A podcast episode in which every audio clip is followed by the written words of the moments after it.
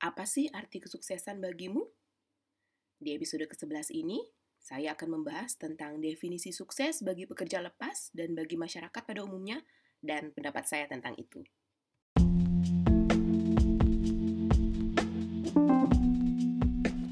Selamat datang di podcast Being a Translator – Nama saya Desi Mandarini, saya adalah penerjemah dan juru bahasa lepas untuk pasangan bahasa Inggris Indonesia.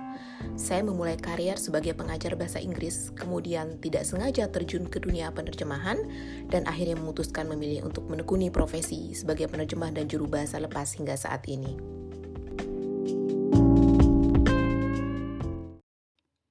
Halo semua, pendengar setia Siniar Being a Translator. Selamat datang kembali. Semoga minggumu ini berjalan dengan lancar, produktif, dan tidak sekadar sibuk tanpa hasil. Kita semua tahu, produktif bukan berarti selalu sibuk, dan sibuk belum tentu produktif. Setuju ya? Nah, jika bicara tentang produktif, pasti ada hubungannya dengan kesuksesan. Menurut saya ya, dan saya rasa setiap orang pasti menginginkan kesuksesan. Bagaimana cara meraih kesuksesan? Ada banyak, ada banyak caranya. Salah satu di antaranya adalah kerja keras. Disiplin juga penting selain pengembangan diri secara terus-menerus dan ketahanan akan tekanan yang muncul di sana-sini, baik secara mental maupun fisik.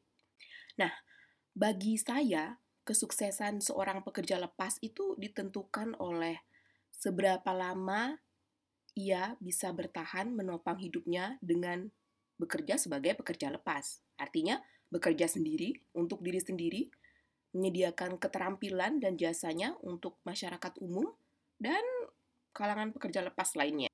Selain itu, kesuksesan bagi seorang pekerja lepas dalam hal ini saya ya sebagai penerjemah dan juru bahasa itu adalah bisa menentukan tarif sesuai kemampuan profesional kita, sesuai kemampuan profesional saya. Jadi dengan kata lain bertanggung jawab untuk tidak mengambil pekerjaan yang bayarannya tidak sesuai ya imbalannya tidak sesuai dengan kemampuan profesional yang saya miliki. Tapi ini juga tidak berarti semena-mena ah saya tidak mau mengambil ini karena terlalu murah, saya ah, memasang standar tarif setinggi ini. Tentu saja Masalah tarif ya semua pasti berpulang ke diri masing-masing dan faktor di sekeliling kita. Namun menurut saya ini ada hubungannya dengan kesuksesan. Jadi definisi definisi kesuksesan bagi seorang pekerja lepas seperti saya dalam bidang bahasa adalah di mana saya bisa menentukan tarif untuk jasa yang saya berikan sesuai dengan kemampuan profesional saya dan menghargai kemampuan saya sendiri. Kesuksesan bagi pekerja lepas adalah dalam konteks saat ini ya, era modern ini, adalah bagaimana mereka bisa bertahan di tengah arus teknologi yang makin maju saat ini dan dibanjiri tenaga pekerja lepas lain ya, yang baru dan berpengalaman di bidang yang sama.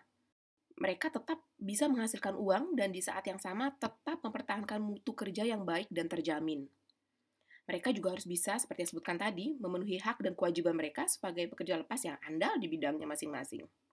Bagi saya, sebagai penerjemah dan juru bahasa, saya harus bisa memenuhi kewajiban saya kepada organisasi profesi saya, masyarakat sekitar saya, dan diri saya sendiri untuk menyediakan jasa yang berbutuh tinggi dan terpercaya sebagai penerjemah dan juru bahasa.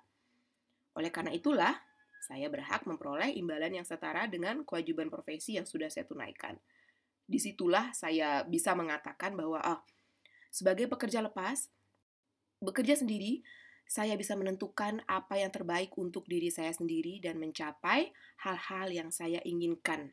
Hal yang sama menurut saya juga berlaku bagi pekerja lepas di bidang lain ya, bidang apa saja.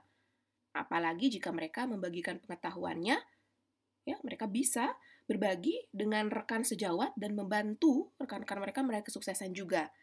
Nah, itulah salah satu yang saya anggap sebagai kesuksesan bagi pekerja lepas. Lalu kalau di mata masyarakat, seperti apa ya?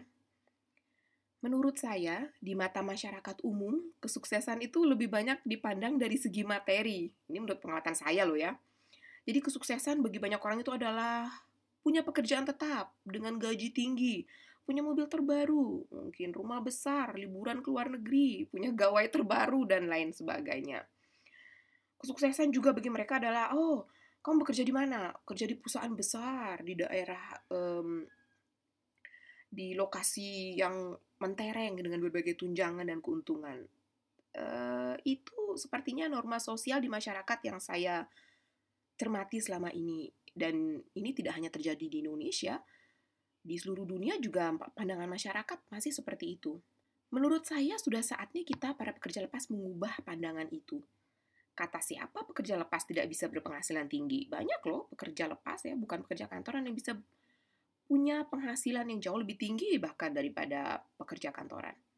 Liburan ke luar negeri, menyediakan jasa kepada perusahaan besar, itu juga terjadi pada pekerja lepas, mereka bisa melakukan itu semua. Kalau hanya itu standarnya, menurut saya sudah begitu banyak ya pekerja lepas di Indonesia yang memenuhi bahkan melampaui standar uh, sosial masyarakat itu. Tidak hanya penerjemah, banyak pekerja lepas di bidang lain yang juga sangat sukses seperti penulis, uh, konsultan keuangan, pekerja seni. Ya. Mereka juga memberi sumbangsi yang begitu banyak kepada masyarakat umum di luar bidang yang mereka kuasai dan tekuni. Namun, menurut saya, jangan terpaku pada norma sosial untuk menentukan seberapa sukses kita dalam bekerja. Sebagian besar itu hanya diukur dari materi. Ada begitu banyak aspek kesuksesan dan pencapaian materi itu menurut saya hanya salah satunya. Ya, bagaimana cara kita mencapai sukses mencapai uh, target materi yang harus kita hasilkan ya keuangan itu bergantung pada diri kita sendiri. Bagaimana kita mengelola diri kita sebagai pekerja lepas untuk bisa mencapai tujuan tersebut. Jadi norma sekitar kita, norma masyarakat itu hanyalah salah satu penentu ya. Jadi jangan terlalu memikirkan apa kata orang ya. Ini seperti curhat ya, seperti curhat pribadi, curhat colongan. Tapi um, seperti itu uh, pandangan saya setelah mencermati uh, keadaan di sekeliling saya ya selama ini. Nah, kalau menurut kamu bagaimana? Kesimpulannya bagi saya, hal terpenting yang harus kita ingat sebagai pekerja lepas adalah seberapa baik kita bisa menjalankan pekerjaan kita, menjalankan kewajiban kita, dan memenuhi hak sebagai pekerja sesuai bidang profesi kita masing-masing. Dan yang terpenting, jangan lupa memberi kontribusi kepada rekan seprofesi, kepada masyarakat sekitar, bangsa, dan negara. Ingat ya, kesuksesan itu diraih melalui jalan yang berbeda-beda. Dan yang tersulit itu adalah mempertahankannya. Jadi, sudah sukseskah kamu sebagai pribadi dan anggota masyarakat? Baiklah, itu saja dari saya untuk episode senior kali ini. Saya akan sangat menghargai, sangat senang kalau kalian bersedia memberi ulasan dan membagikan senior ini.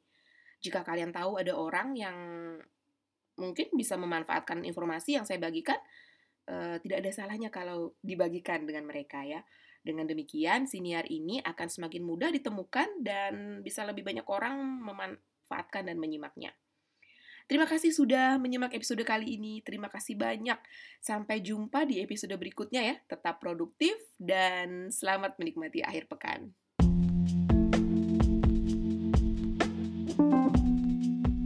Kalau kamu suka podcast ini, jangan lupa bagikan di media sosial kamu dan beri ulasan. Saya juga menulis tentang pengalaman dan tips seputar penerjemahan dan freelancing di blog saya di www.desimandarini.com. Kirimkan pertanyaan, komentar, dan masukan kamu ke alamat email hello at desimandarini.com atau ke Twitter di DF Mandarini. Tertarik untuk menjalani karier sebagai penerjemah lepas? Atau sekadar ingin tahu lebih banyak tentang keseharian penerjemah dan juru bahasa saat bekerja? Ikuti Instagram saya di Desi Mandarini. Sampai jumpa di episode berikutnya dan salam sukses. thank you